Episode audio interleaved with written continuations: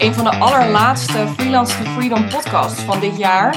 Ehm, en uh, last but not least, en going out with a bang zou ik willen zeggen, want ik uh, ga vandaag het gesprek aan over freelancen met iemand anders die zich ook uh, roert op de freelance markt. ik zit hier tegenover Selim. En Selim, voordat ik jou voorstel, zou ik het eigenlijk heel leuk vinden als jij jezelf even voor wil stellen aan de luisteraar. Ja, je zet nu natuurlijk de verwachtingen best wel hoog. Dus uh, ik ben Altijd. benieuwd naar de aflevering. Nee, maar dat moet zeker goed komen. Ja, ik ben dus Selim, een uh, jonge ondernemer die eigenlijk de missie heeft om de freelance markt te verbeteren. Uh, dat doe ik door middel van BlueLens. En dat is een e-learning platform waarop freelancers cursussen kunnen volgen om de beste versie van zichzelf te worden. Waar ook jij Digna een cursus aanbiedt. Dus dat is heel erg tof om straks over te hebben. Aan de andere kant heb ik ook een podcast genaamd Faalverhaal. En daarin delen succesvolle ondernemers en professionals hun faalverhalen en tegenslagen. En dat doe ik eigenlijk om het taboe rondom falen te doorbreken. Falen is helaas iets in Nederland wat niet echt geaccepteerd wordt. En waar je uh, meestal niet de credits voor krijgt. En uh, dat is eigenlijk iets niet, niet echt iets wat normaal is. En dat is jammer. Uh, dus daardoor interview ik rolmodellen die hun faalverhaal met ons delen. Of ze nou failliet zijn gegaan, de verkeerde keuze hebben gemaakt of wat dan ook om ervoor te zorgen dat de luisteraar daar een stukje wijzer over wordt. Ja. Mag ik jou meteen een vraag stellen voordat jij. Uh, kan me voordat ik losbarst. Je... hey, en ik denk dat dit. Uh, dit is ook leuk als dit een beetje de, de dynamiek van het gesprek is, denk ik. Um, waarom? Hè, ik hoor je heel erg van. Hè, het, het wordt niet heel erg uh, falen, daar hebben we het niet graag over. Hè, terwijl het dus, als ik jou ook zo hoor, er zijn, de, de voorbeelden zijn legio. Wat maakte op een gegeven moment dat je dacht. Ja, maar ik voel me ook geroepen om hier een podcast over te gaan maken. Waarom vind je het zo belangrijk dat wij daar meer over gaan horen? Ja, dat heeft eigenlijk te maken met het feit dat ik natuurlijk um, ja, een jongere generatie ben. En in mijn omgeving hoor ik heel veel dingen wat me eigenlijk best wel veel uh, stress oplevert. Waarom? Omdat ik zie dat jongeren zich heel veel laten leiden door social media. En de jonge ondernemers eigenlijk een verkeerd beeld hebben van wat succes is en wat het pad daar naartoe is. En als we het dan ook hebben over falen, dan, um, ja, uh, dan zijn jongeren daar, voornamelijk jongeren. Het is niet alleen, de podcast niet alleen voor jongeren, kleine disclaimer, maar uh, dan zijn natuurlijk de, de jonge ondernemers vaak daar terughoudend over. En dat is een grote belemmering voor hun carrière en voor hun successen. En toen dacht ik van ja, daar moet ik wat gaan doen. Want zelf heb ik ook veel gefaald. Eh, zoals ik al zei, ondanks mijn jonge leeftijd heb ik al veel gedaan hiervoor. En niet alles was een groot succes. Maar als ik die dingen niet had gedaan, dan zou ik niet staan waar ik vandaag dag sta. En dan zou ik ook niet mijn doelen behalen in de toekomst. Ja. Uh, en ja, ik heb nog een lange weg te gaan. Maar uh, ja, ik weet wel dat ik door die uh, fails mee te maken op het juiste pad ben richting een succesvolle carrière. En dat is ook wat ik met de luisteraars wil meegeven. Of je nu 40 bent, 20 of misschien wel 80 zelfs. Het is nooit te laat om te leren en falen hoort erbij. En ja, daar moeten we het gewoon over hebben. Daar moeten we gewoon ja. open over zijn. Ja, tof. Eigenlijk hoor ik je heel erg zeggen. Dus inderdaad van nou, en je kunt, uh, uh, je, kunt duizend uh, boeken lezen. Je kunt van alles beluisteren. Je kunt, je, je, je kunt van alles leren via allerlei verschillende routes. Maar er is eigenlijk maar één school of één leerschool bijna echt heel leerzaam. En dat is iets doen. Um, ook het risico durven nemen dat dat misschien niet goed gaat. Je lessen daaruit trekken en, en doorgaan ja, nou ja, daar uh, kunnen we elkaar denk ik wel, uh, wel in vinden. Thanks. Wie, um, als je dan toch een beetje promo aan het maken bent voor je podcast, uh, luister eerst, dames en heren, nog even deze aflevering af voordat je op je podcast-app een nieuwe podcast gaat opzoeken. Maar als ze dan zo meteen willen luisteren, faalverhalen heet die, hè? Ja, faalverhaal. Ja. Um, faalverhaal, sorry. Podcast ja. is overal te vinden eigenlijk, dus ja. ze komen er wel. Maar ja, waar ik ook benieuwd naar ben is, ik ben natuurlijk net begonnen met podcasten. We doen ja. nog maar een, een maandje en ik ja. hoop dat die nog heel lang meegaat. Jij bent al sinds 2020 aan het podcasten. Ja. Uh, iets waar ik heel veel respect voor heb. Ik zie al meer dan 100 uh, afleveringen op Spotify staan. Bijna 250, ja. Zo, 250 zelfs. Dan, uh, ja, dat is natuurlijk wel een hoog, hoog aantal. Wat was hetgene waardoor jij bent blijven doorgaan? Want zoals jij ook wel weet, podcast is echt niet makkelijk. Daar ben nee. ik nu al achter gekomen. Ja. Laat staan over zo'n lange periode. Uh, ja, hoe doe jij dat eigenlijk? Nou, het grappige is, dat is, um, uh, dus we hebben het inmiddels over 3,5 jaar. Volgend jaar ga ik gewoon inderdaad een, een vierjarig jubileum in. Um, uh, ik denk dat ik uh, er altijd mee door ben blijven gaan, omdat ik, nou, uiteindelijk ben ik er vooral mee door blijven gaan, omdat ik merkte toen ik het ging doen, wat voor respons erop kwam. Um, en um, dat zat hem niet eens zo heel erg in dat ik nou uh, van meteen dikke vette luistercijfers overal vandaan kon trekken. Maar ik merkte dat de mensen die erop aanhaakten, dat die ook, al, heel anders dan met social media contact, dat die um, uh, heel erg, dus A, de, tijd en de aandacht namen om eerst een half uur of zo naar mij te luisteren of een gesprek dat ik met iemand voerde, maar vervolgens ook de moeite namen om met mij in gesprek te raken.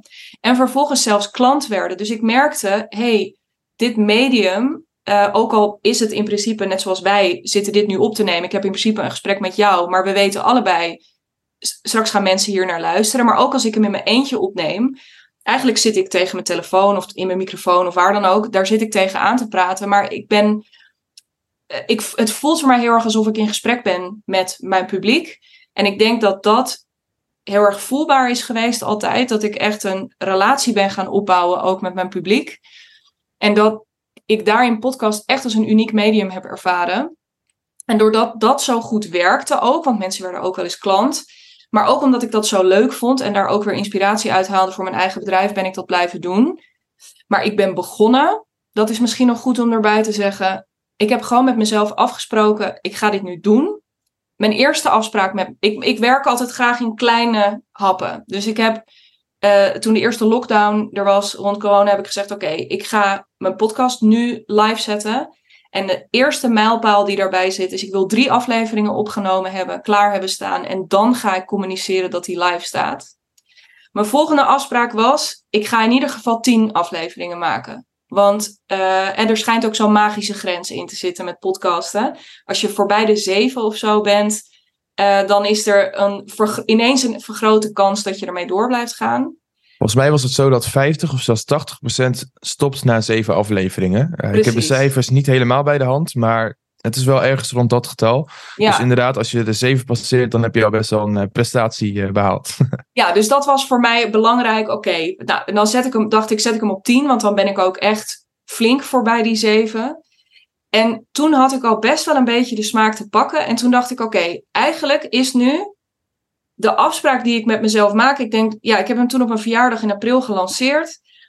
Uh, toen heb ik gezegd, ik blijf dat in ieder geval dit jaar doen. Dus mijn volgende mijlpaal was, ik blijf wekelijks dit jaar een episode uh, opnemen. Ongeacht of ik hem heel erg goed vond of niet goed vond, mijn opname, dan, uh, nou ja, in een heel gek geval neem ik nog een keer een nieuwe op. Maar er komt gewoon elke week een podcast live.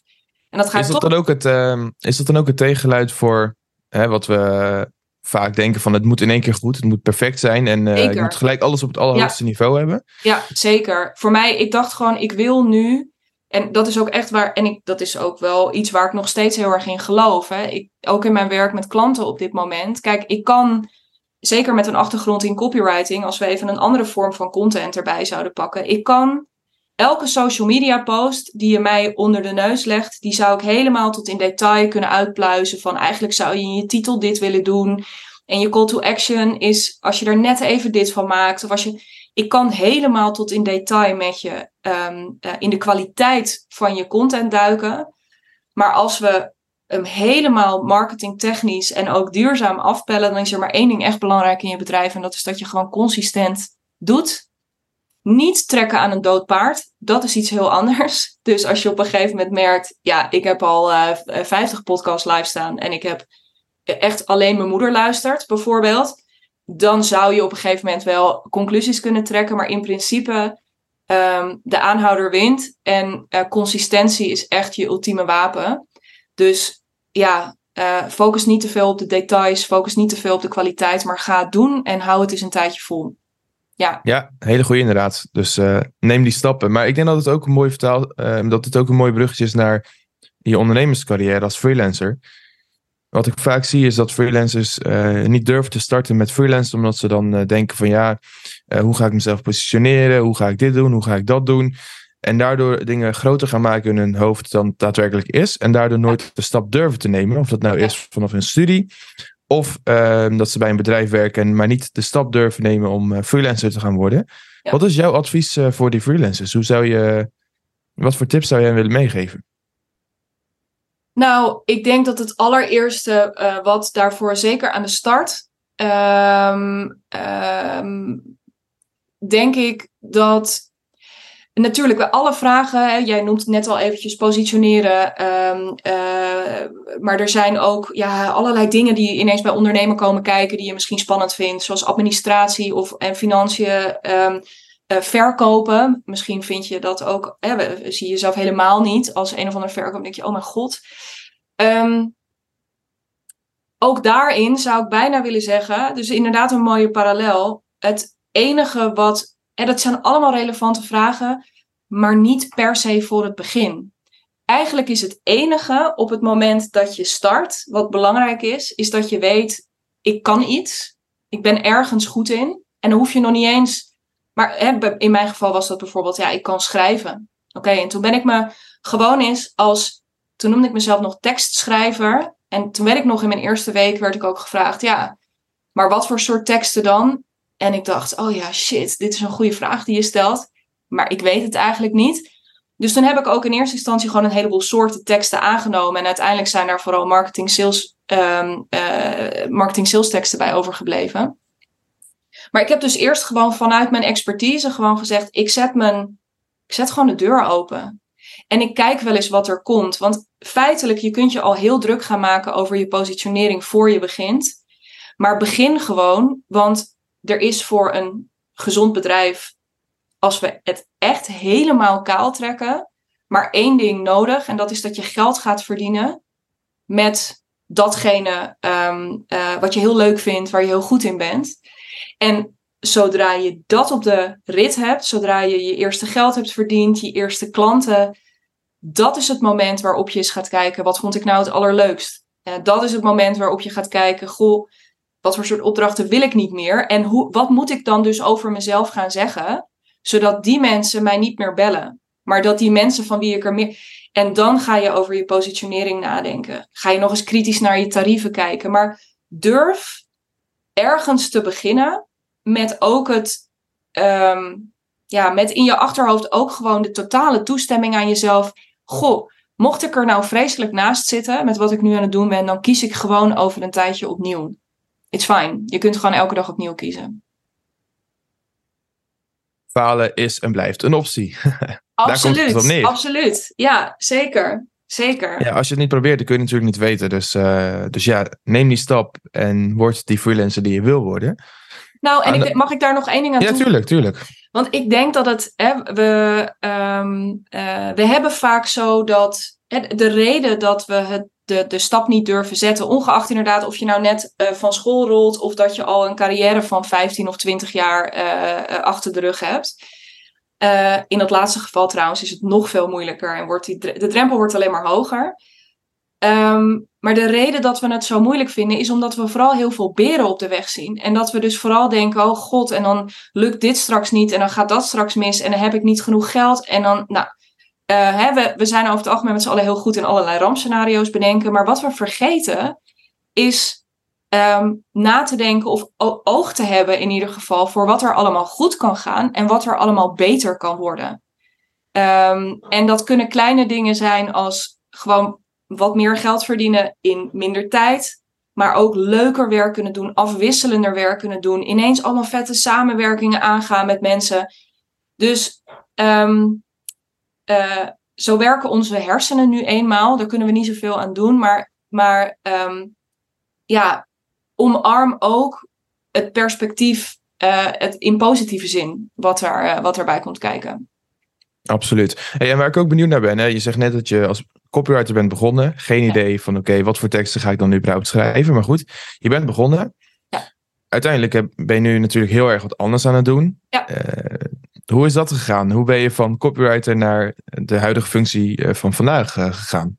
Ja, nou ja, ook dat is een, dat is een proces geweest, zullen we maar zeggen. Ja, dat is stukje bij beetje gegaan. En ik denk dat, dat ik ook daar weer gewoon heel erg elke keer in het moment heb gekeken van oké, wat van wat ik nu aan het doen ben klopt nog en wat klopt niet meer.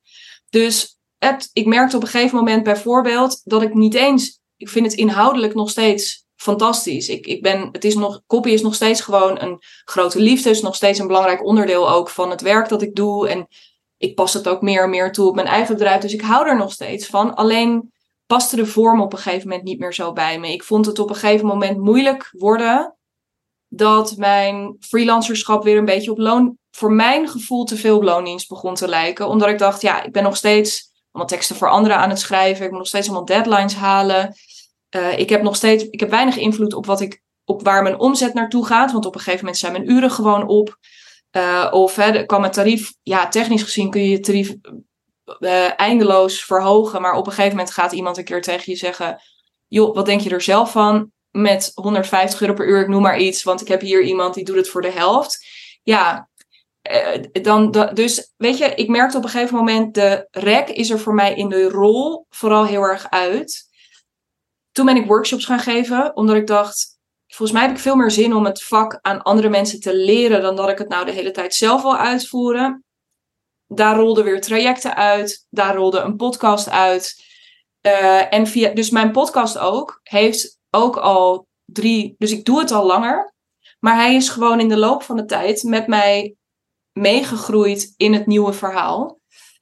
En de uiteindelijke, echt de grote switch aan de voorkant, want ik deed dus nog steeds copy en content, ook toen ik het aan anderen aan het leren was, maar de grote switch kwam op een gegeven moment toen ik dacht, ja, wie zijn nou eigenlijk, met, met wie werk ik nou echt heel erg graag? En uh, wie zou ik nou echt heel erg goed kunnen helpen met, um, uh, met wat ik tot nu toe gedaan heb? En ik merkte bij de, de laatste klanten die ik hielp met hun copy en hun content, dat ik ineens zag, hey, zodra die content het beter begint te doen, waar ik ze bij, bij geholpen heb, hebben ze ook ineens van mij iets anders nodig. Want dan staan er ineens mensen op de stoep die willen in gesprek. Hoe voer je dan zo'n gesprek? Doordat die content het ineens goed doet en de vraag omhoog gaat, ontstaan er ineens vragen rondom tarief.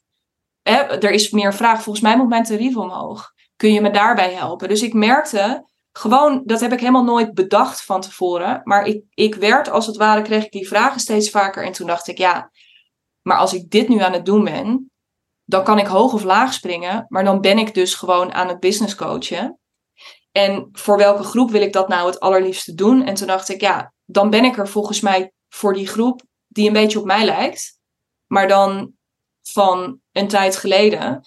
En dat is de groep freelancers die ook het gevoel heeft, wacht even, ik had toch die baan opgezegd voor iets anders dan ik nu aan het doen ben.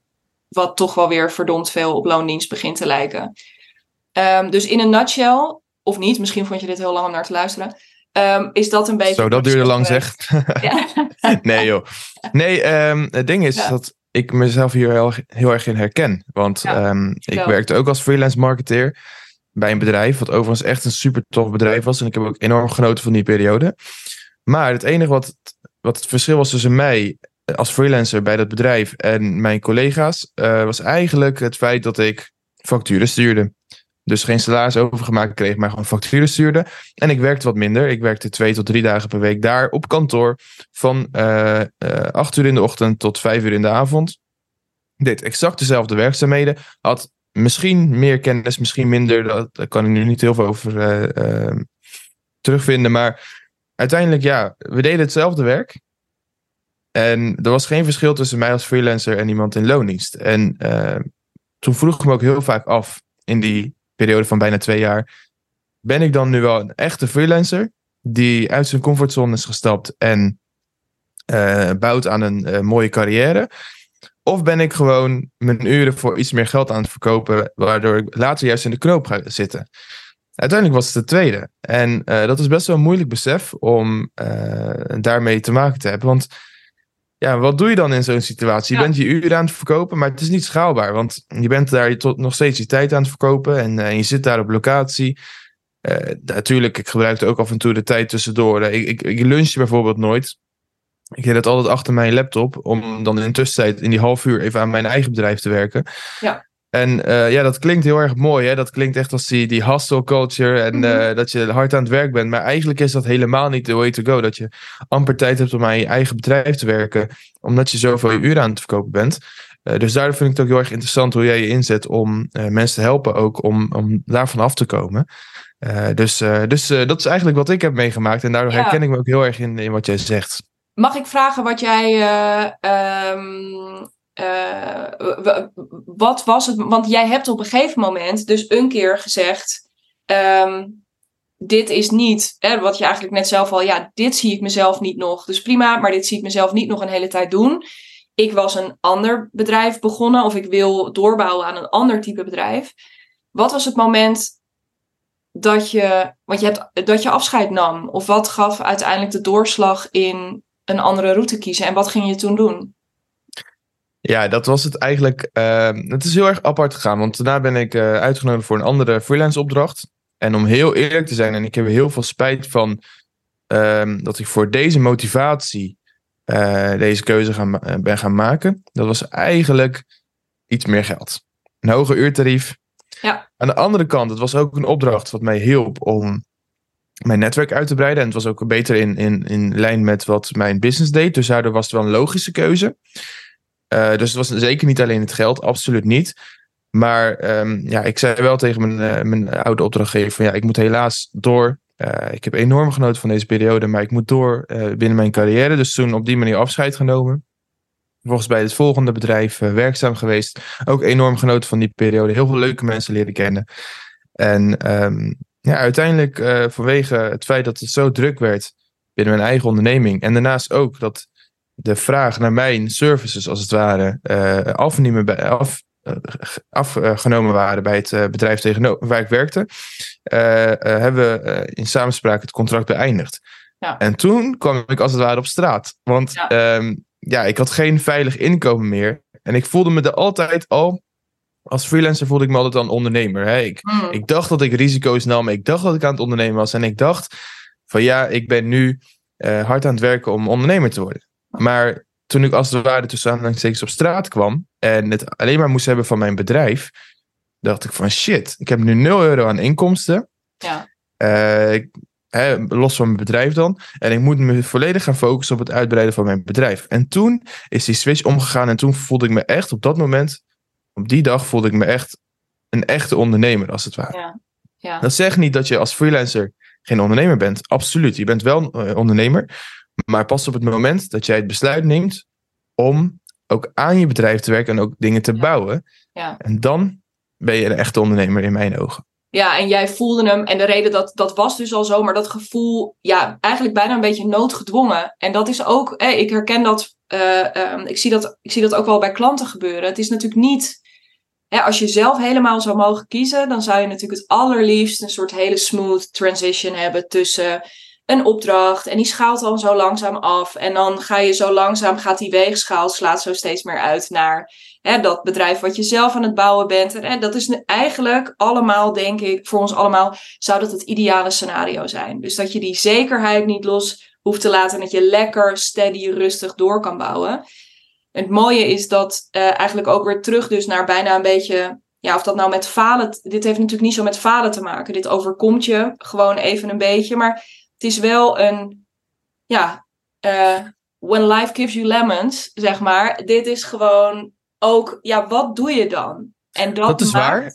Maar aan de andere kant uh, zie ik het wel als falen, als het ware. Omdat um, ik was heel de tijd aan het leunen op deze vorm van inkomsten. Mm. Op de manier waarop ik mijn tijd aan het verkopen was. Mm. Dus kijk, uh, nu ben ik nog maar.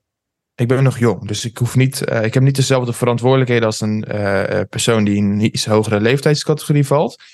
Alleen. Um, nou ja. ja. Nee, sorry. Hè, personen met, met, met wat meer verantwoordelijkheden. Ja.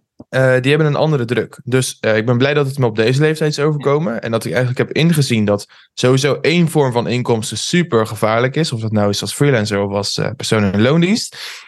En um, ja, het feit dat ik dus mijn tijd aan het verruilen was voor geld. Dus stel je voor dat ik, ik hoop dat het natuurlijk nooit iemand overkomt. Maar stel je voor dat ik ziek zou worden en daardoor niet zou kunnen werken. Of dat nou een korte of een lange periode is.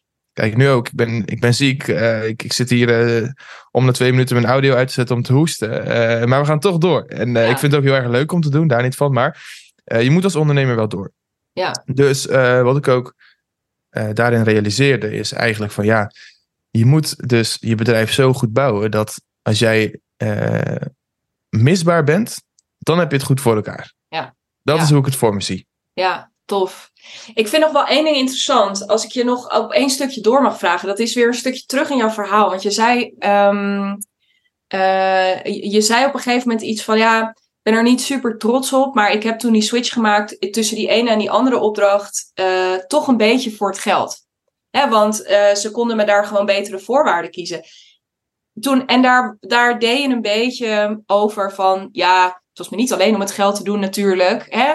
Ehm, alsof, het, alsof dat toch niet helemaal oké is. Of dat daar een beetje iets eh, viezigs aan eh, kleeft. Kun je, ik, en ik- zo ken ik je niet per se in dat opzicht. Dat je volgens mij ook daarin commercieel genoeg bent om ook te kunnen zien good for you. Dat er meer tegenover stond. Kun je dat nog een beetje toelichten? Ja, tuurlijk. Nee, eh, laat ik het vooropstellen. Ik schaam me absoluut niet om geld te verdienen. Eh, het liefst verdien ik natuurlijk zoveel mogelijk om ook zoveel mogelijk impact te kunnen maken. Want ik geloof natuurlijk dat. ehm, ja, eh, ik heb natuurlijk ook een missie. Daar kunnen we het straks nog over vertellen. Ja. over hebben. Ehm, ik schaam me absoluut niet om geld te verdienen. En eh, meer geld verdienen was in dit geval zeker ook handig. Alleen, het was oprecht ook niet de enige, enige motivatie. Sterker nog, ik wilde daar juist aan de slag gaan. Omdat ik dus eh, op die manier eh, meer bezig kon zijn met dingen die binnen mijn bedrijf ook relevant waren. Waardoor we dus Ja. uiteindelijk ook als persoon, waardoor ik als persoon ook een stuk beter kon worden. Alleen de reden dat ik dat in het begin zei is van ja, ik ging significant een hogere klasse in met mijn Ja. En het grappige is, eh, in het begin denk je van wow, ik ga nu meer geld verdienen. En op het moment dat je eerste, tussen salaris of je eerste factuur betaald wordt, eh, word je extreem blij.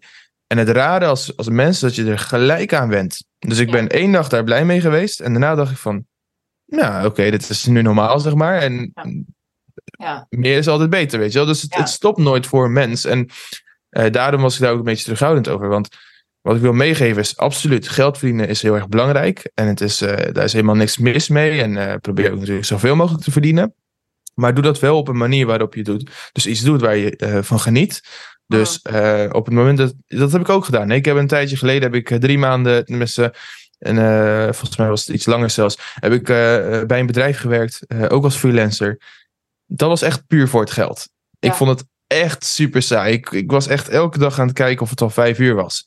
Ehm, en ook dat was weer eh, mijn tijd verruilen voor geld. Verdiende best wel veel daar.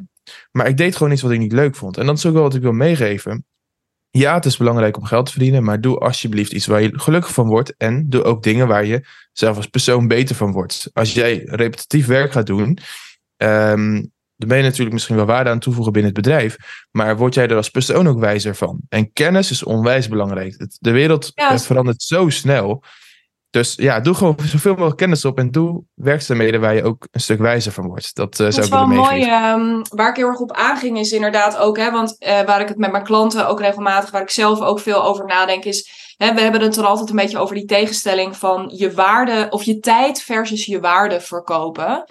En eh, dan knikken we allemaal altijd heel erg alsof we dan precies weten waar we het over hebben. Maar het is eigenlijk best wel vaag en we hoeven daar nu ook niet altijd diep op in. Maar wat ik mooi vind, wat je eraan toevoegt in dit verhaal, is dat waarde toevoegen dus ook niet alleen over waarde toevoegen naar die ander, maar ook over waarde toevoegen naar jezelf en, en je eigen groei en je ondernemerschap ehm, eh, en dat stuk. En wat ik nog interessant vind is in het duiden van je verhaal, is dat je ook natuurlijk heel goed, ja, doe iets wat je eh, eh, of heel leuk vindt, of waar je significant iets nieuws in leert, of je netwerk in uitbreidt, of dat soort dingen. Ehm, of, hè, want ik kan me ook voorstellen dat jij zo je redenen had. Want ik ben er ook, ja, dat klinkt uit mijn mond misschien een beetje raar. Maar net zoals dat hele grote, ehm, de, de, de grote namen uit Hollywood en zo, die hebben echt nog heel lang eh, in achterafzaaltjes gespeeld. En, en verder nog drie baantjes gehad om zichzelf te financieren, zodat ze aan die droom konden bouwen. Daar zijn we soms, ehm, eh, nou, daar, daar ligt misschien soms wel een beetje wat te weinig de focus op of zo hier. Dat dat ook een route is die je mag kiezen. Dat je een tijdje een klus aanneemt, jezelf daarvan weet, oké, paar maanden knallen, dan heb ik weer de middelen om te bouwen, om een deel weer her, te herinvesteren in iets anders. Ehm, dat is een hele mooie route, maar inderdaad, eigenlijk de, wat je steeds zegt is, weet waar je het voor doet. Heb voor jezelf een focus voor ogen. Waar wil jij naartoe groeien? Hoe wil jij je ontwikkelen? En wat voor bedrijf wil je bouwen? En ga daarin investeren. Ja, ik zal even meenemen in een uh, periode uh, hiervoor, een, uh, een langere tijd geleden. In die periode was ik zo erg gefocust op het bouwen van mijn bedrijf. En had ik zo weinig middelen destijds, want ik startte nog maar net met mijn carrière. En dan gaat een alarm af, heel handig, maandag. Ja, ja het is gewoon, het is, we doen dit gewoon inderdaad midden in het echte leven. Ja, niet in ja. een geluidsdichte studio. Ja. Nee, maar goed. Um, we hebben ondertussen, doen we eventjes een klein raampje. Yes. yes. Het raampje is dicht, dus we kunnen weer focussen. Ja. Um, ja, wat ik dus zei. Ik begon net, ik had geen middelen. Wat deed ik? Ik ben begonnen als, uh, als freelancer. Om dus uh, één of twee dagen per week mijn tijd te ruilen voor geld. Om dus wel inkomsten te hebben. In de tussentijd had ik destijds ook uh, twee verschillende soorten vrijwilligerswerk. Waarbij ik dus mijn, waarbij ik een rol als marketeer vervulde binnen stichtingen. Om dus daar nieuwe kennis op te doen, onbetaald. En daarnaast bouwde ik ook nog aan mijn bedrijf. Ja, het was veel. Maar ik ben onwijs trots en dankbaar dat ik die periode heb meegemaakt. Um, ja, ik klink nu echt als een 40, 50-jarige, I know, maar... Ja, go for die, it. Die periode heeft mij wel heel erg sterk gemaakt. En um, ook voor de, de personen die luisteren en nog niet de stap hebben gezet richting hun carrière als ondernemer of freelancer of hoe je het ook voor je ziet. Het kan op, het kan op verschillende manieren. En ik denk ook dat het heel erg normaal is, precies zoals jij het zegt, dat we niet in één keer starten met heel veel klanten en dat soort dingen. En dat het ook heel erg oké is om daar een bijbaan bij te hebben. Ik ken mensen die bijvoorbeeld in de horeca werken en uh, in de nacht en overdag aan hun bedrijf werken. En daar heb ik onwijs veel respect voor. En dat zijn dingen ja. die, die meestal niet het podium krijgen in nee. onze sociale maatschappij. Klopt. Maar ik denk wel dat dat juist enorm krachtig is. En go for it. En ja, bouw gewoon aan de beste versie van jezelf. En op het moment dat je lui wordt en denkt van nee, ik heb alles bereikt wat ik wil bereiken. Ja, daar stopt het. Dat, ja. uh, dat, dat, dat wil je echt voorkomen, zeg maar. Nou, je hebt inderdaad ergens een beetje een uh, vuurtje onder je voeten nodig. Want waarom zou je anders in beweging komen? En dat hoeft helemaal niet heel ongemakkelijk. Of je hoeft het jezelf... Hey, je hoeft niet ineens weer op straat te komen te staan of failliet te gaan of wat dan ook. Maar een beetje prikkel, dat kan onwijs helpen.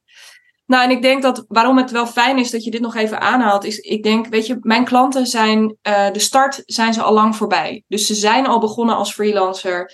Uh, en ze hebben ontdekt al van, nou oké, die allergrootste beren op de weg van dat ik er nooit geld mee zou gaan verdienen. Of dat het allemaal heel moeilijk en ingewikkeld en dat ik het niet zou redden. Dat, die zijn al wel een beetje weg.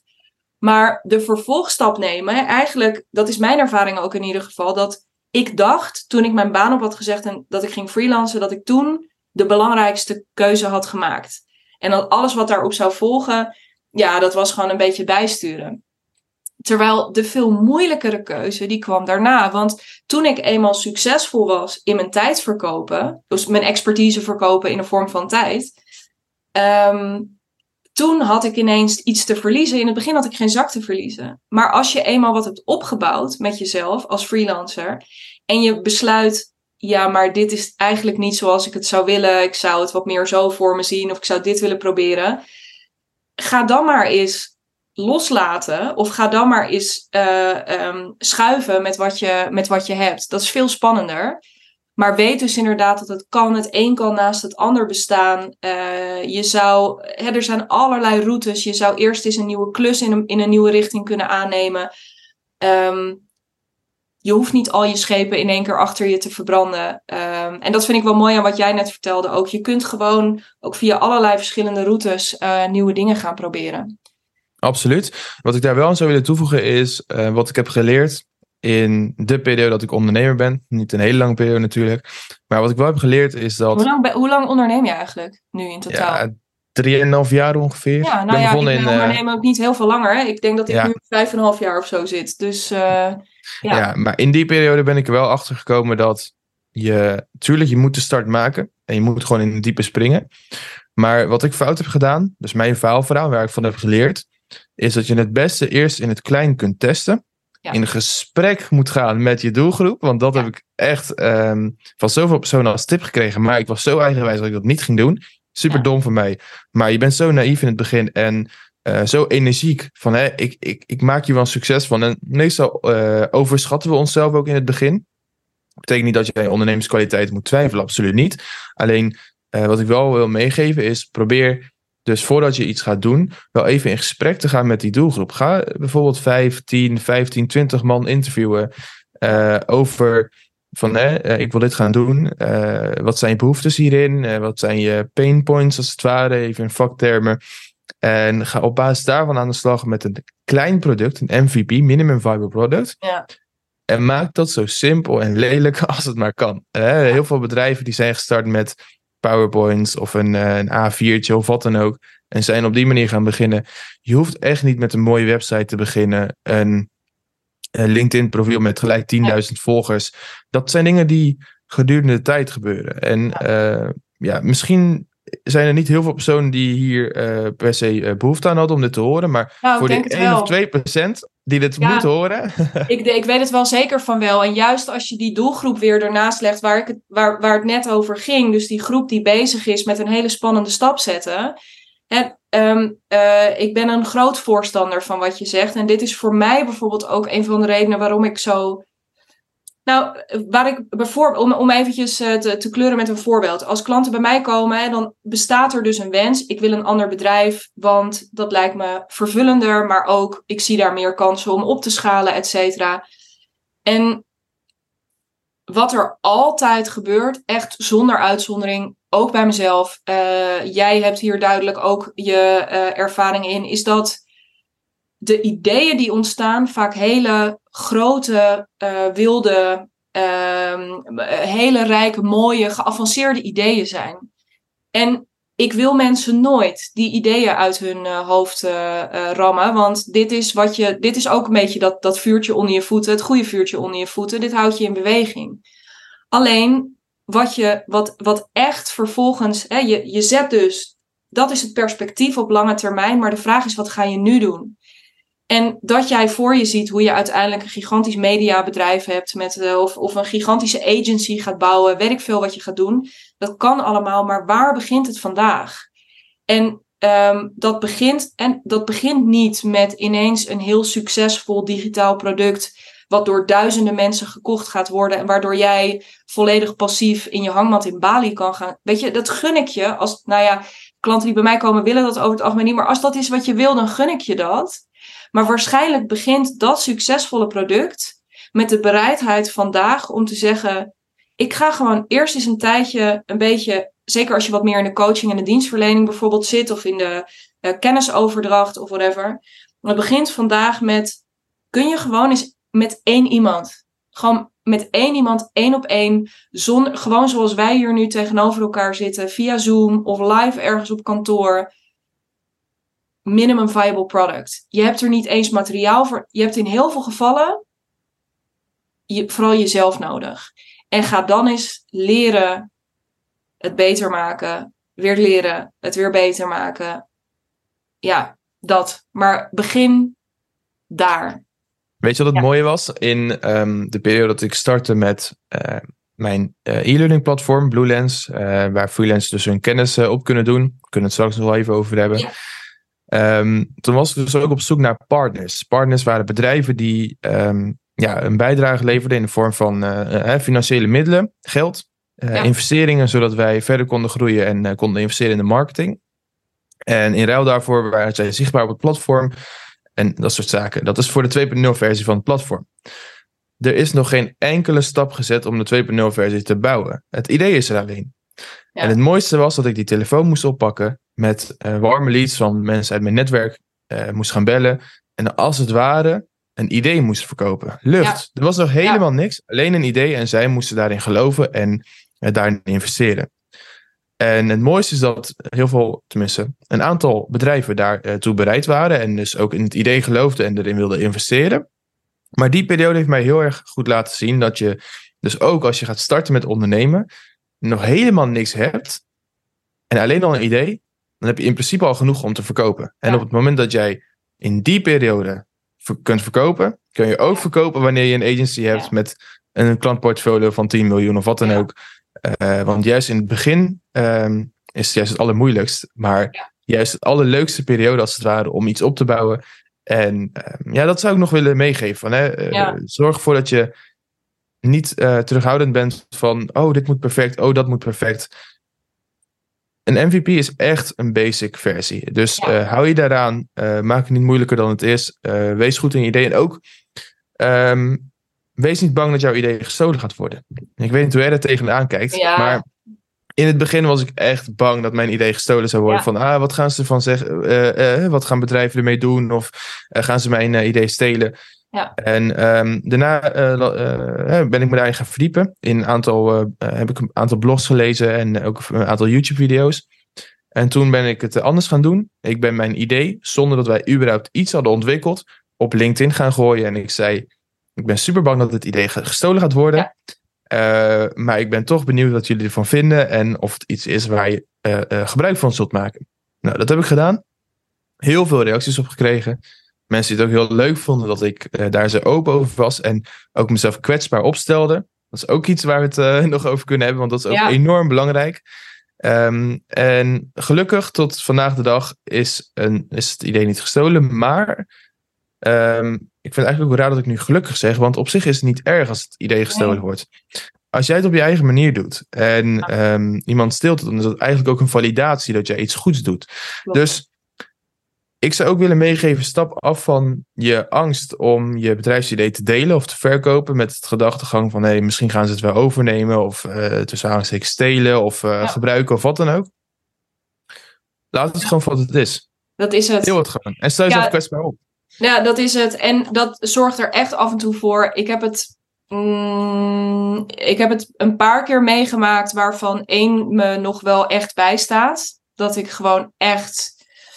Eh, de, de situatie was als volgt. Ik was, ik denk, een half jaar net helemaal op mijn freelance to freedom eh, eh, trein. Dat was helemaal mijn ding geworden. Hè, van mijn copy- en content stuk deed ik de periode daarvoor onder brand los. En nou ja, dat, dat was net los. Het was over en dat werkte ook allemaal heel goed. En toen was ik op een event, op een netwerkevent. En ik had naast iemand gezeten en gewoon een netwerkgesprek gevoerd zoals je dat doet. Namelijk, hoi, wie ben jij? Oh ja, ik, ik ken jouw gezicht wel, bla bla bla. Wat doe jij? Nou, uitgewisseld. Ehm, onwijs leuk gesprek. Met meer mensen hele leuke gesprekken gehad die dag. En ik open de volgende dag mijn eh, social media. En wij hadden elkaar natuurlijk toegevoegd op, eh, op LinkedIn.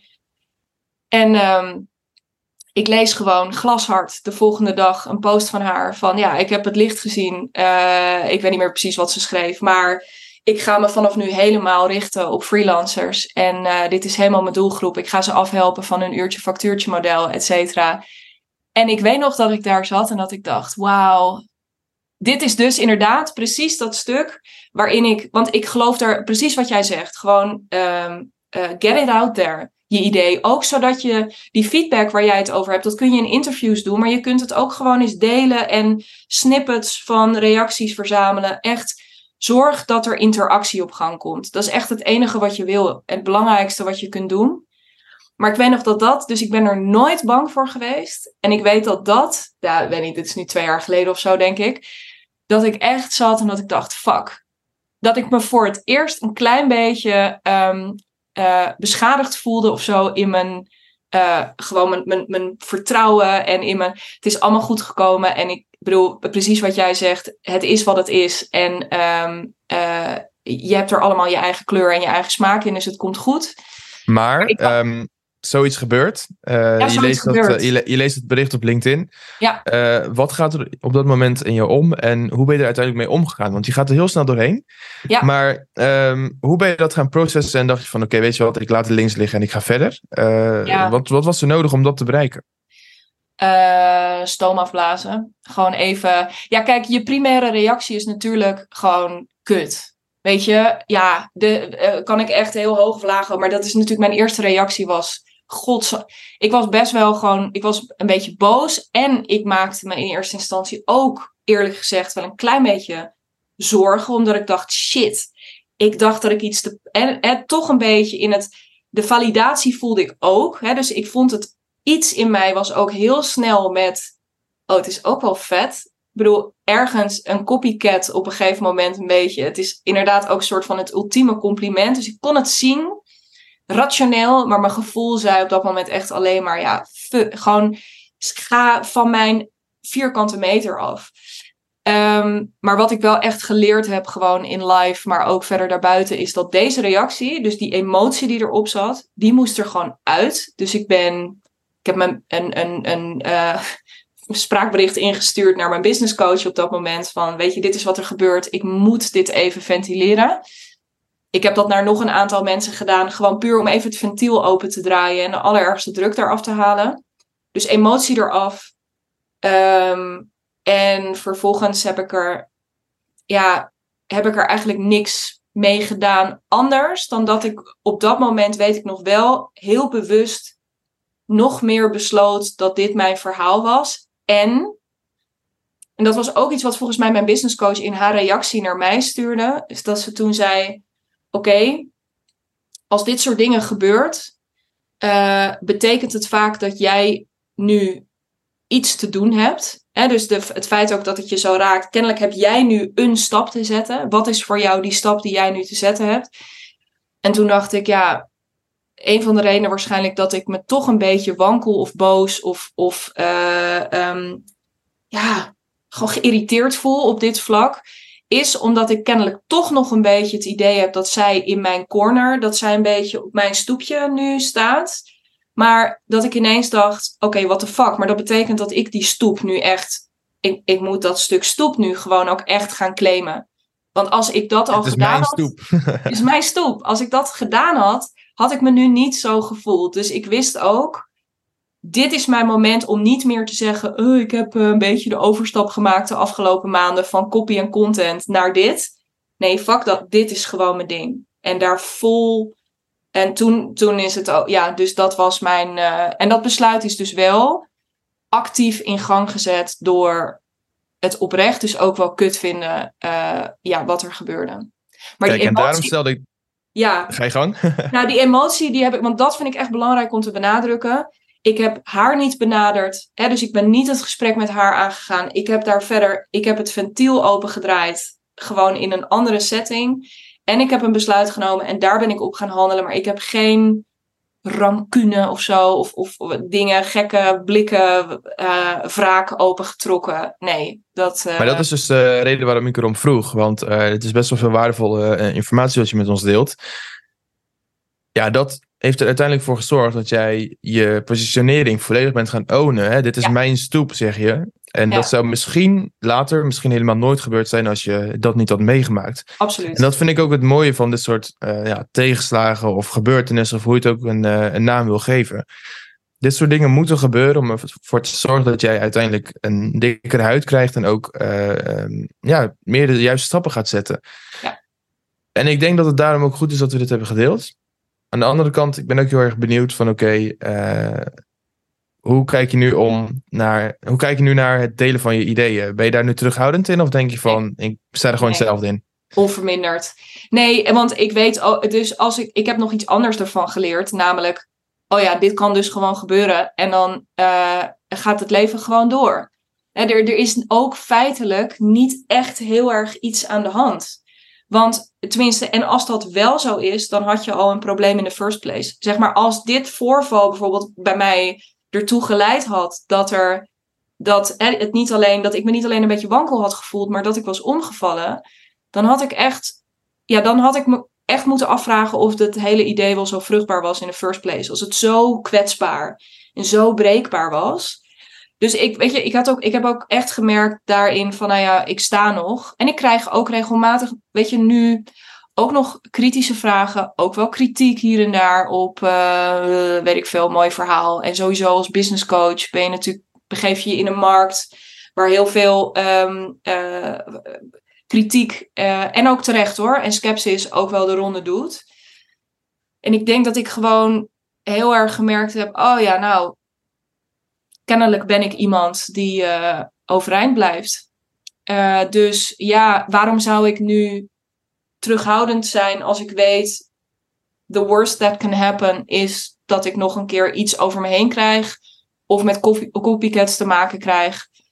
Uh, Oké, ja, kom maar.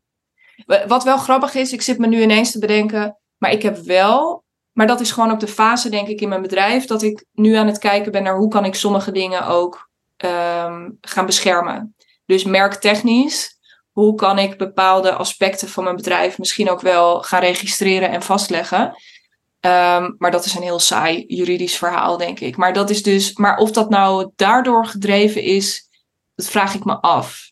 Ehm, ik ben gewoon shit goed aan het regelen, denk ik, achter de schermen.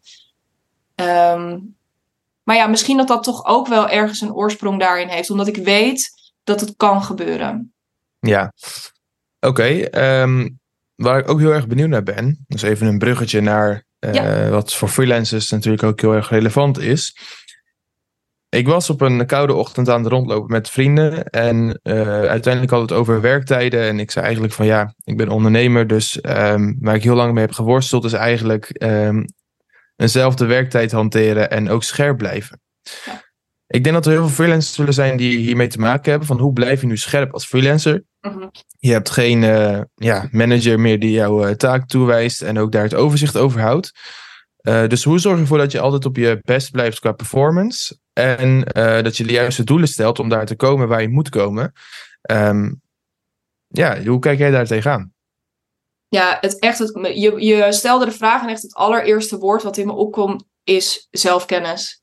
Dus ik denk dat het echt als ondernemer nog veel. Dat is sowieso als mens gewoon heel belangrijk. En ook als je een baan hebt in loondienst. Om jezelf te kennen. En dus ook echt oprecht eerlijk tegen jezelf te kunnen zeggen. Dit is hoe ik het allerbeste functioneer. En dit is wat ik nodig heb ook om goed te functioneren.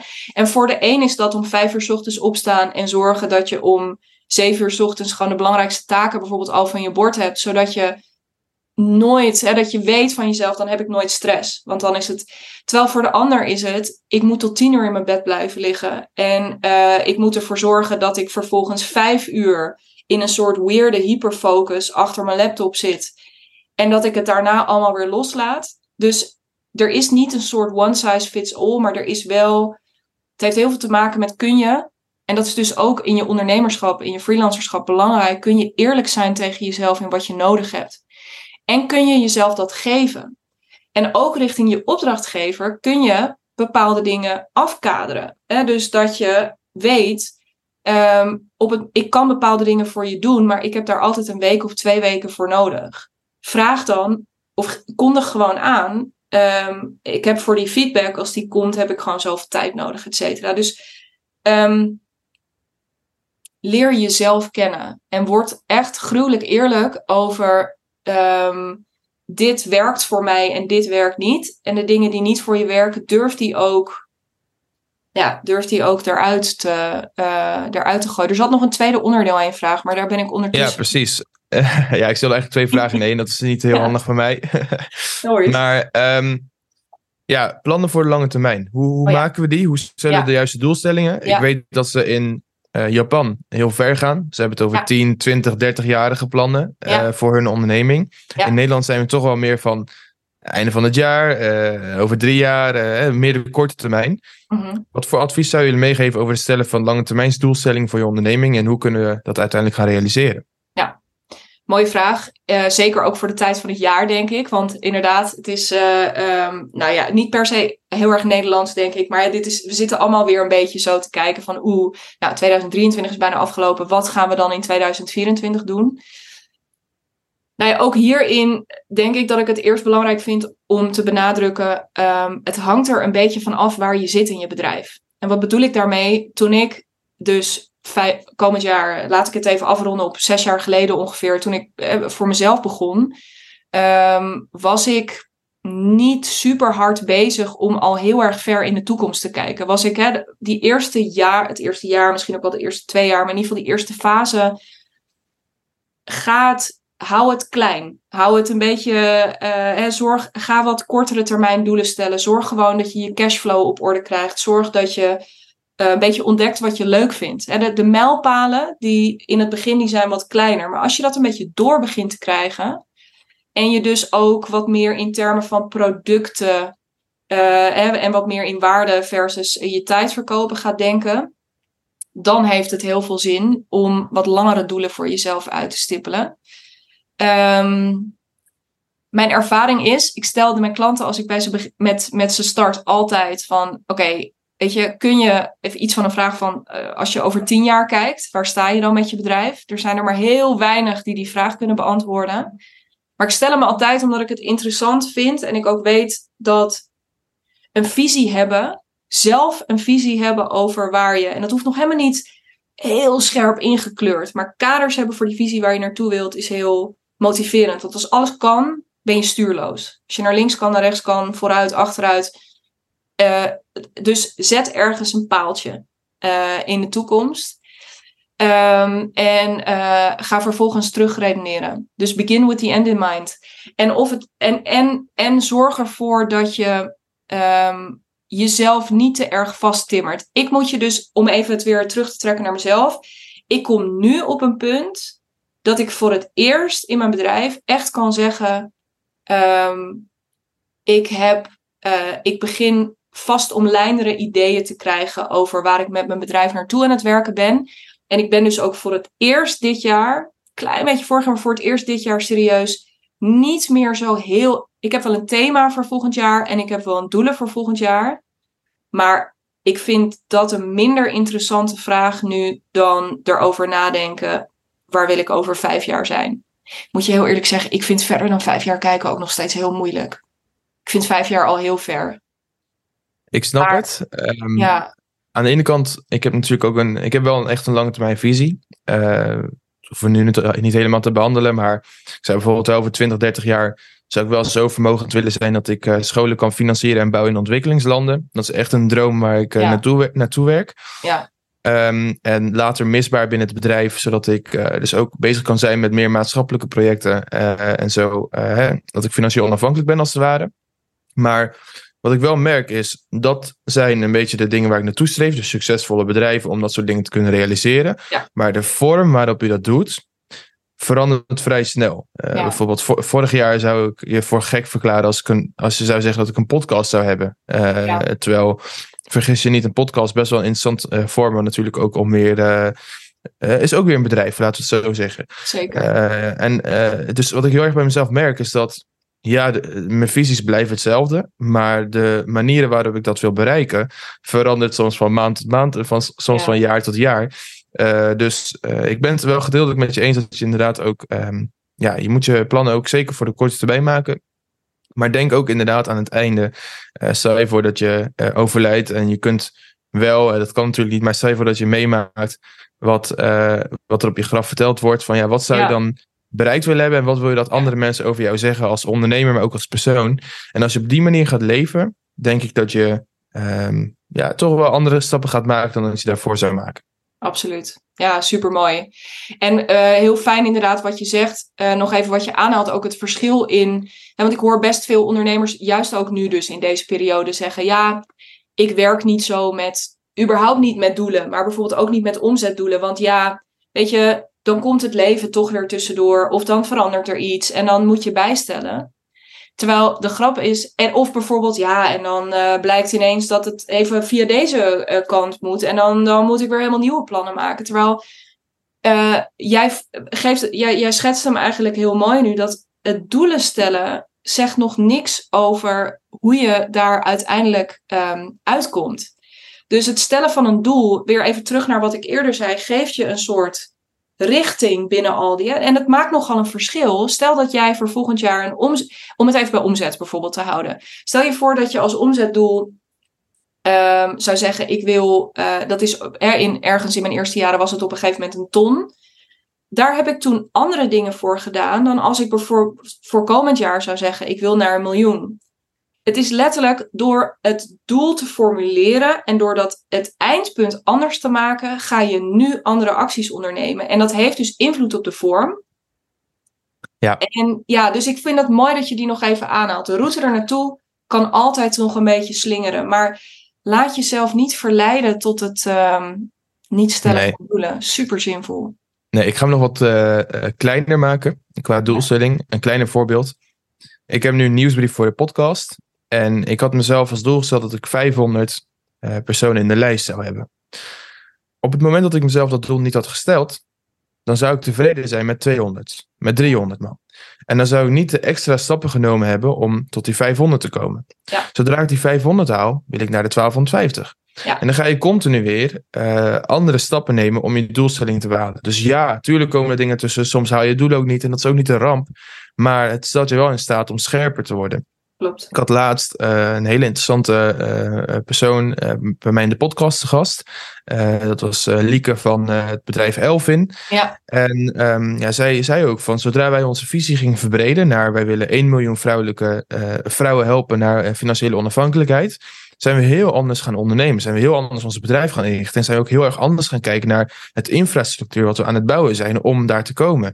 Ja. Uh, we zijn bijvoorbeeld, een klein voorbeeld, uh, we zijn bijvoorbeeld internationaal gegaan in plaats van alleen Nederland. We zijn uh, bepaalde zaken anders gaan inrichten. En wat me daarvan bijbleef is dat ze zegt van ja, op het moment dat je een helder doel hebt, of in ieder geval je visie verbreedt, ga je daar ook naar handelen. Dus ja, ja ik snap wat je zegt van ja, het leven kan dingen kan vaak anders uitpakken dan je, dan je wenst. Maar door die doelen te stellen, ja. heb je wel een bepaald roadmap. En ja, ja stel je voor dat je aan het varen bent. Je zit in je schip. Uh, je wilt Ja. toch wel weten waar, waar moet ik naartoe gaan varen. Dat je voor niets uh, die kilometers maakt. Ja, en dan is het ook, weet je, net als wat jij, nou ja, het ergste wat, over het, wat mijn ervaring hiermee is, is dat uh, de reden dat we het niet doen, is omdat we bang zijn dat we het dan bijvoorbeeld niet redden door, binnen de door ons gestelde tijd. Heel vaak is tijd een factor hierin. Terwijl ik denk inderdaad, kom in ieder geval in beweging en ga dat doen. Want stel nou dat het enige wat uiteindelijk blijkt is dat het doel is vaak niet het probleem. Dat haal je wel. Als je daar je zinnen op zet. Maar ik denk alleen maar, nou ja, weet ik veel. Stel dat ik nu uh, voor komend jaar een omzetdoel zou stellen van een half miljoen. En ik kom uiteindelijk op 400.000. Ik zeg maar iets. Dan ga ik niet aan het eind van het jaar zitten janken dat ik mijn doel niet heb behaald. Maar dan ga ik wel kijken natuurlijk naar A, hoe zit dat precies en waarom is het niet gelukt, bla bla. Dus het, ik ga reflecteren daarop. Maar ik ga ook gewoon kijken naar, oké, en dan nu? Hoe ga ik dan alsnog? Dat is niet hopeloos mislukt. Ik ben er dichtbij. Ik ga het alsnog halen. Heb ik misschien ietsjes meer tijd voor nodig. Maar dus er zit iets op Um, ja, gewoon stel het doel wel. The worst that can happen, 9 van de 10 keer, is dat achteraf blijkt dat je er net iets meer tijd voor nodig hebt. Oké, okay, so what? Je, bent, je gaat toch niet volgende week stoppen met ondernemen. Ik denk het niet als je deze podcast luistert. Dus, nou ja, neem in dat geval dan nog een klein beetje extra tijd. Ja. Ja, absoluut. Wat natuurlijk wel kan helpen is dat je goed gaat kijken naar de doelen die je stelt. En ja. um, het niet baseert op natte vingerwerk. Vinger in de lucht en kijken van oké, okay, uh, we, we, gaan een random uh, cijfer kiezen voor dat, uh, voor dat doel. Nee. Maar door dat wel echt te baseren op cijfers van voorgaande jaren, of als je dat niet hebt, bijvoorbeeld op basis van wat de markt doet en dat soort dingen. Zodat je natuurlijk wel voor jezelf realistische doelstellingen kunt eh, bepalen. En daar ook naartoe kunt werken. Um, Waarbij ik maar, het woord realistisch altijd wel moeilijk vind. Want ik ben realistisch en ambitieus. Hm? Ik zou zeggen realistisch en ambitieus. Ja, want er is, realistisch is zo, en dit is iets wat ik gewoon vaak in, ook in deze podcast zeg, maar überhaupt, realistisch is echt heel relatief. Mensen zijn tot zoveel dingen in staat. En juist op het moment dat het een beetje. En dat hangt er vanaf hoe je in elkaar zit. Dit is het wel. Maar juist als jij denkt, zou het niet heel vet zijn als iedereen om me heen roept dat je echt niet geld kunt verdienen hiermee. En ik ga komend jaar laten zien dat je gewoon een ton kan draaien met, met dit. Ik noem maar even iets. Uh, wees die, wees die rare. Daarom hou ik ook zo van met freelancers werken. Freelancers zijn natuurlijk sowieso al, dus ze hebben al bewezen, zijn voorkomen ongeschikt voor loondienst, zijn ze veel te eigenwijs voor. Het zijn vaak mensen met hele goede, slimme ideeën. Um, ja, gewoon uh, trek, die kast, trek deze kant van jezelf af en toe eens wat meer van stal. Dus die eigenwijze, tegendraadse, niet kosten wat kost, niet vechten tegen de bierken, niet trekken aan een dood paard, al die dingen niet. Maar als jij denkt, ik heb hier wel zin in en ik zal wel eens eventjes laten zien dat hier, um, er zit heel veel kracht daarin. En dat heeft wat minder met realisme en wat meer met idealisme te maken, denk ik. Ja. True, mooie aanvulling. Dus ja. uh, we moeten wel groter dromen inderdaad. Dat is, uh, ja. dat is zeker waar. Ja, kennis Ja. opdoen. We hebben het in het begin natuurlijk wel even over gehad. Als freelancer ben je, ehm, ja, eh, ben je natuurlijk eh, vaker geneigd om continu aan je, eh, in je bedrijf te werken, als het ware. En minder aan je bedrijf en nieuwe kennis op te doen. En voornamelijk ook dingen te doen waar je dus wijzer van wordt. Klopt. Ehm, ja, ik ben wel benieuwd. Wat is jouw advies daarover? Hoe kunnen we als freelancer ervoor zorgen dat we continu up-to-date blijven? Of dat nou is met kennis binnen je specialisme of juist als freelancer zelf. Wat is jouw advies daarin? Ehm super goede vraag. Nou ja, kijk, ik heb sowieso vanuit mijn positie denk ik altijd, als je ehm goede freelancers zijn vaak per definitie een beetje vakidioten. Dus hè, gewoon de echt goede freelancers, de echt goede marketeers, designers, whatever. Inhoudelijk zijn dat mensen die, ehm, eh, voor zover ik dat kan beoordelen, voor zover ik met ze werk, die zijn bezig met. Die zijn binnen hun vakgebied echt, die zijn ontwikkelingen bij aan het houden, ehm, cursussen aan het volgen, boeken aan het lezen, podcasts aan het luisteren. Dus inhoudelijk, ehm, eh, dat komt wel goed. Dat zit wel snor over het algemeen. En zo niet, dan val je op een gegeven moment gewoon een beetje er, erbuiten. Dus hè, dit is gewoon bijna een soort basisvoorwaarde. Heel anders wordt het op het moment dat het gaat over ondernemerschap. Dat is vaak, dat is gewoon een, een skill of een skillset eigenlijk eh, op zich. Eh, Dat je heel erg goed bent in je vak. En misschien wel de allergrootste vakidioot en de aller, allerbeste. En dat, er dat betekent nog niet dat jij ook het meest succesvolle bedrijf hebt. Daar heb je iets anders voor nodig. En eh, op dat vlak denk ik, ehm, eh, ja, wees, wees nieuwsgierig en stel jezelf, eh, erken dat ook. Ik kom bijna weer een beetje terug bij ken jezelf. Durf dat allereerst van jezelf te erkennen.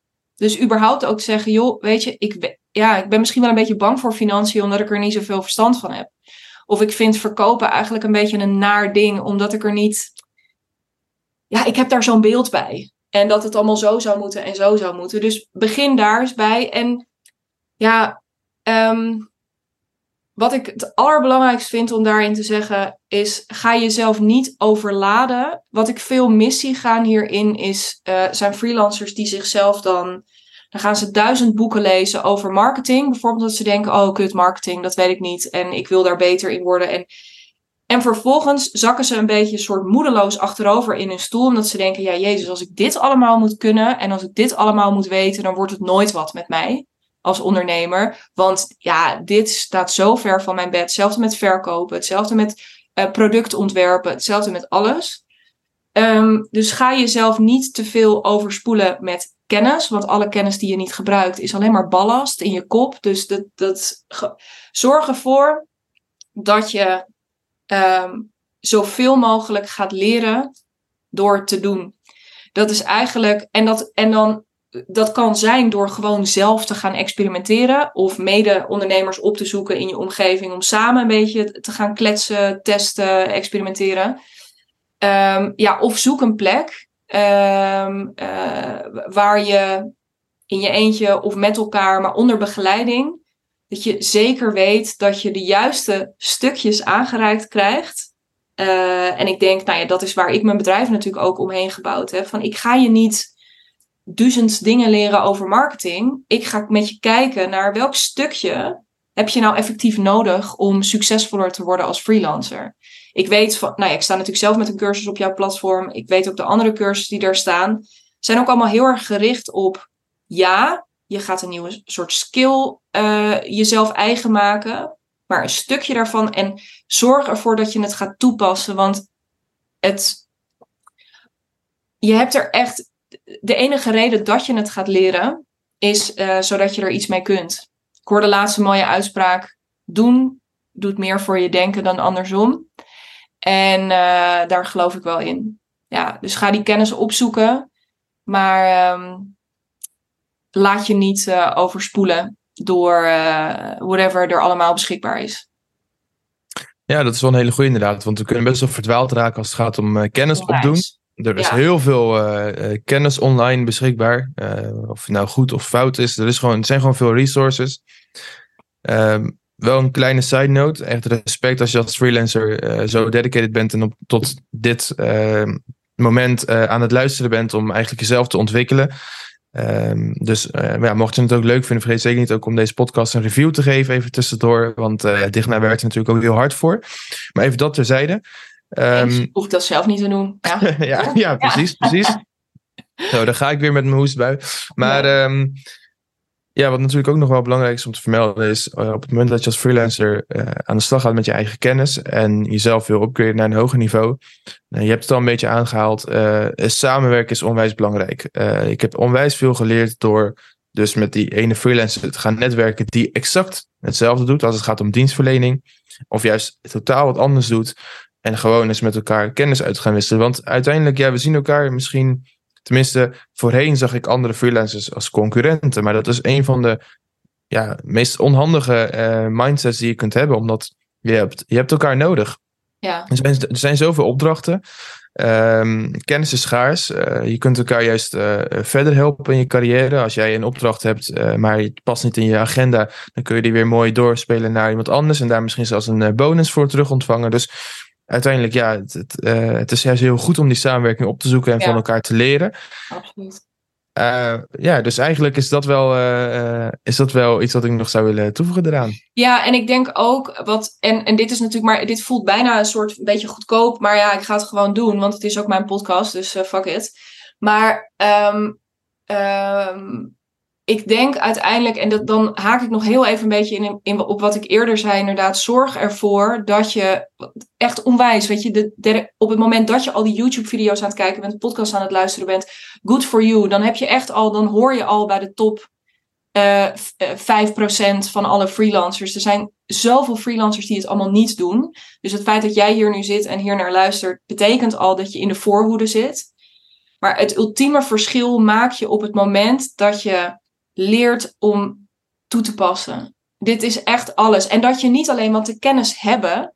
Hoeveel freelancers ken ik niet die precies weten wat ze zouden moeten doen? Die precies, die een sales script uit hun hoofd kennen, maar die niet de telefoon pakken uiteindelijk of die niet naar dat netwerkevent gaan omdat er iets kennelijk, en dat is dus geen kenniskwestie altijd, maar dat is ook echt een mindset en een, uh, um, nou, soms ook gewoon eventjes een duwtje in je rug krijgen.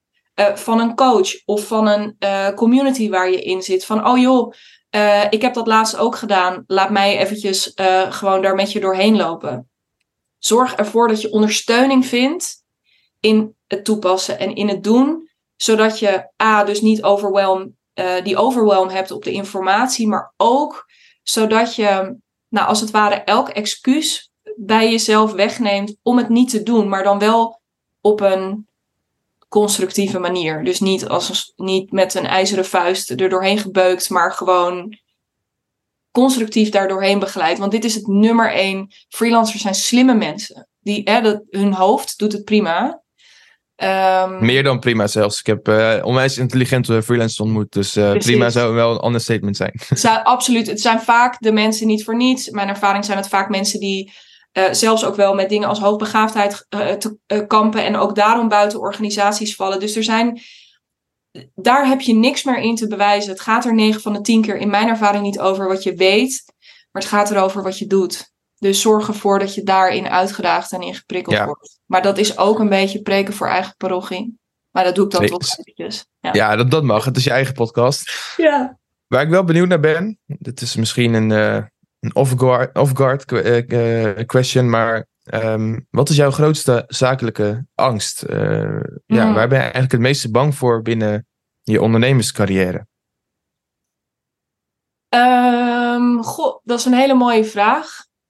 Um, het grappige is, ik heb altijd gezegd, gewoon het moment dat het niet meer werkt, om wat voor reden dan ook, echt uh, sowieso in het begin dacht ik, nou als het niet werkt, dan zoek ik wel weer een baan.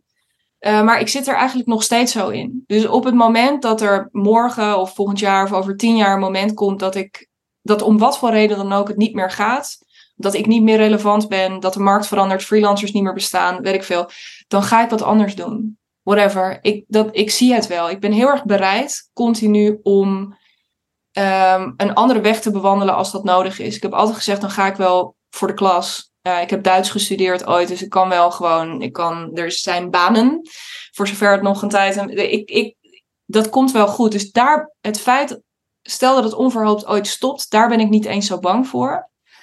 Ehm, wat ik denk ik, het eerste wat in me opkomt, nadat ik dit hele lange verhaal heb afgestoken, is dat ik bang zou zijn, denk ik, dat het um, soort van op zou gaan in een grijze massa en niet echt opgemerkt zou worden.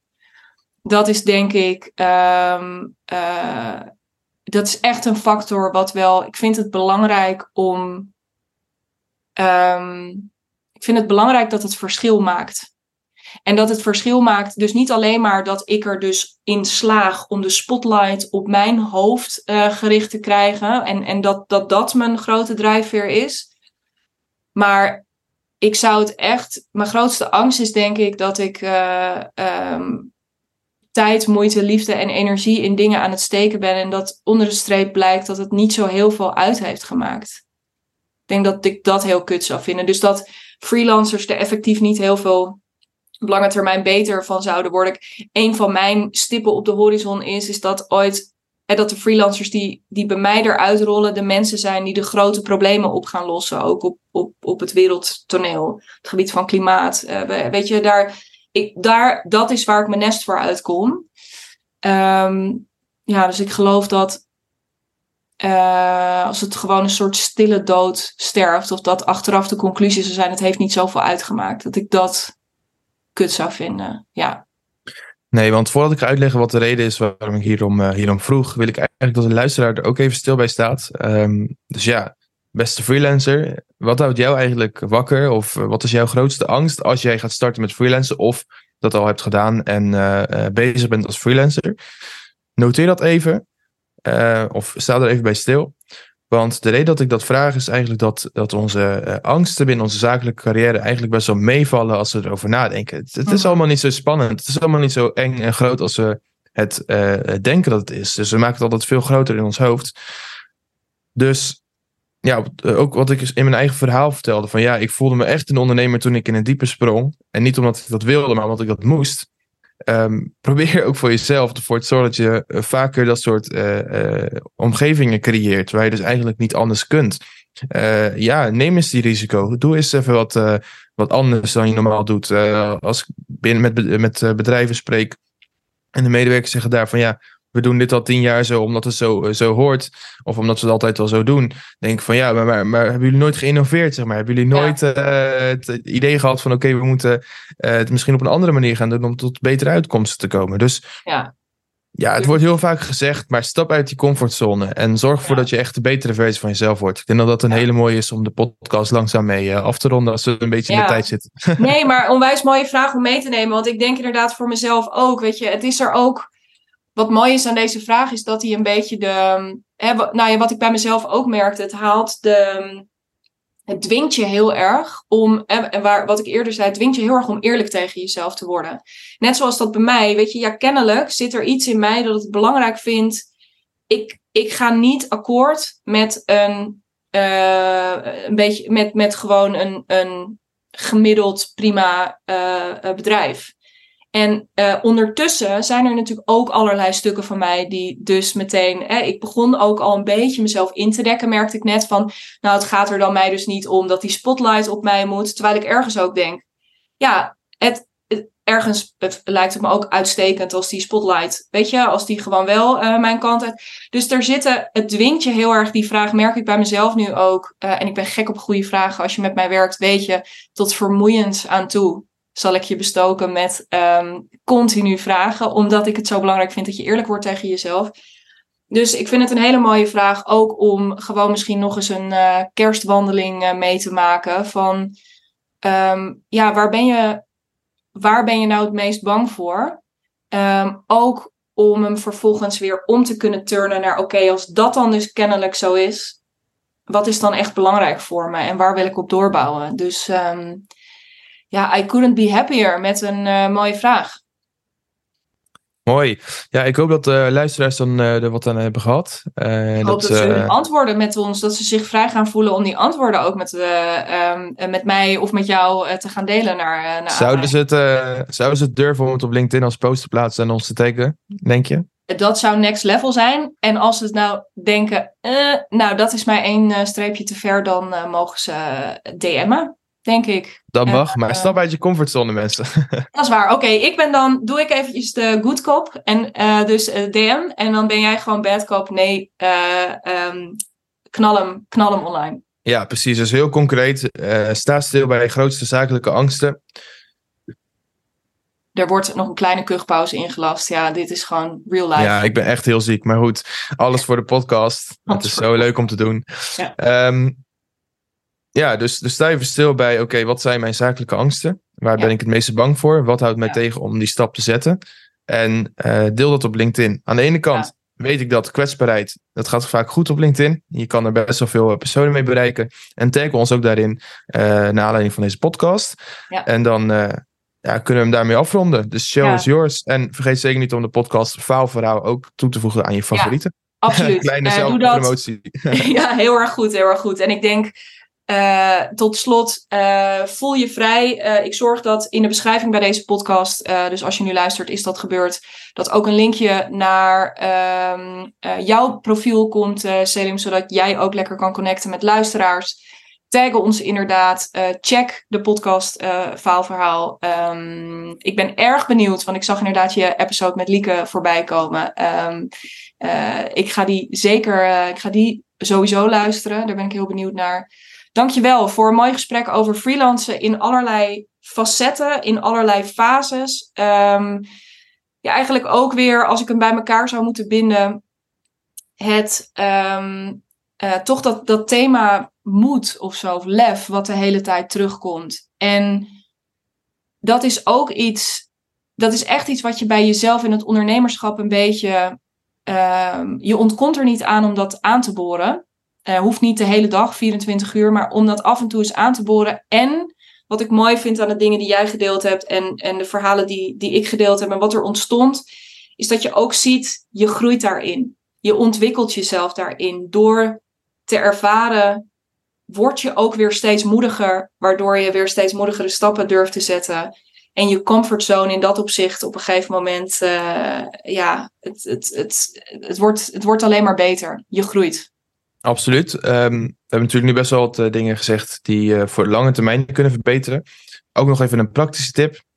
Tot, tot het laatst. heel, heel simpel. En gelijk morgen of vandaag al toe te passen op kantoor als je met andere personen werkt probeer ook positieve impact te creëren op je eigen omgeving, om jezelf heen. En dat kan ook al door een goede sfeer te creëren. Dus ga je morgen naar kantoor of vandaag of eh, spreek je eens een collega, geef wat vaker een welgemeend compliment. Zorg ervoor dat die uh, persoon zich speciaal voelt. En uh, ja, deel ook je uh, positiviteit met je omgeving. En je zult gelijk merken dat je zakelijk daar op de lange termijn ook zeker op vooruit zult gaan. Maar, let op, doe het wel welgemeend. Dat is wel een belangrijke side note. Mooi. En ik vind deze ook heel mooi. Ja, laten we hiermee afronden. Want dit is bijna, dit is ook nog een beetje de ultieme kerstgedachte die je nu deelt. Wat een manier ook. Dus inderdaad, zowel nu om die groei in gang te zetten. Maar ook echt, uh, wat een fantastische manier als je dit vandaag of deze week doet. Om ja, uh, uh, ook dit jaar echt on a high te eindigen. Dankjewel Salim uh, voor, voor je openheid, je vragen. En um, wij hebben sowieso buiten deze podcast weer contact. Wij houden contact. Yes, gaat helemaal goed komen. Dankjewel voor de uitnodiging.